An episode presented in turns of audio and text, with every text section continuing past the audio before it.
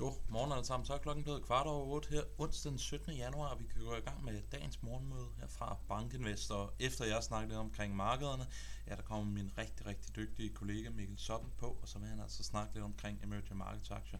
Så min gennemgang af markederne, den kommer altså til at være relativt kort i dag.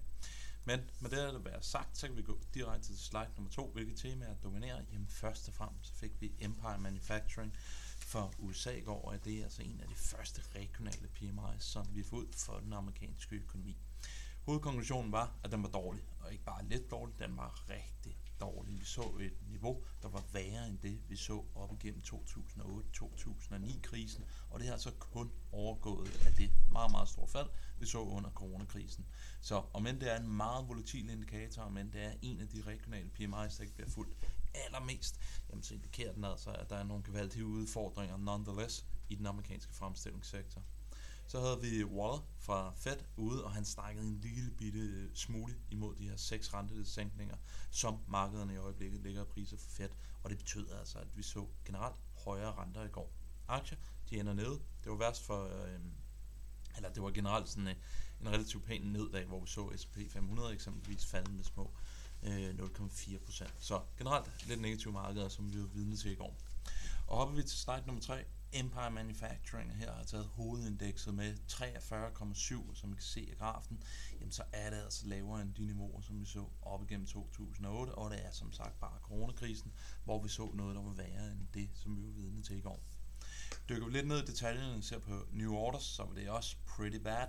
Vi ser igen nogle niveauer, der er under dem, som vi så op igennem med The Great Financial Crisis, igen fra 2008 og 2009. Som man kan se i grafen, så er det en volatil indikator i særdeleshed over de sidste par år, hvor den altså er hoppet og danset rundt. Ikke desto mindre, så er det altså lidt bekymrende, at vi ser nogle af de her regionale PMI's komme ud på de niveauer, som de har i øjeblikket. Ser vi på Atlanta Fed, bare for at sådan få et bredere mål for, hvordan den amerikanske økonomi gør, om end det her det er Q4-tal, jamen så ser det altså relativt fornuftigt ud. Det lugter lidt af, at vi kommer til at se en vækst op igennem fjerde kvartal for den amerikanske økonomi på 2,2 procent, hvilket jo ikke er prangende, men ej heller er katastrofalt, og i hvert fald ikke i linje med det øh, vækstniveau, som eksempelvis Empire Manufacturing i øjeblikket ligger og indikerer.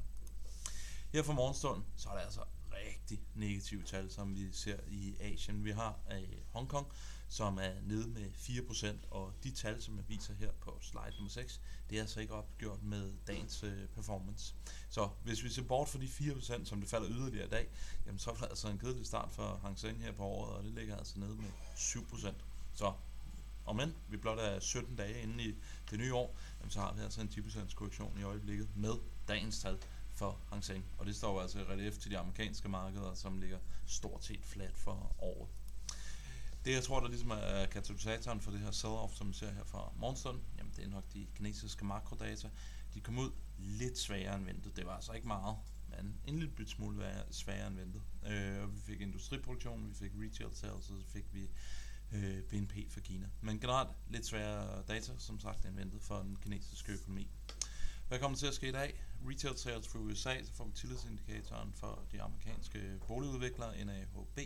Så har vi rigtig, rigtig mange speakers ude fra SB og Fed, så der kommer altså til at være rigtig meget centralbanksfokus.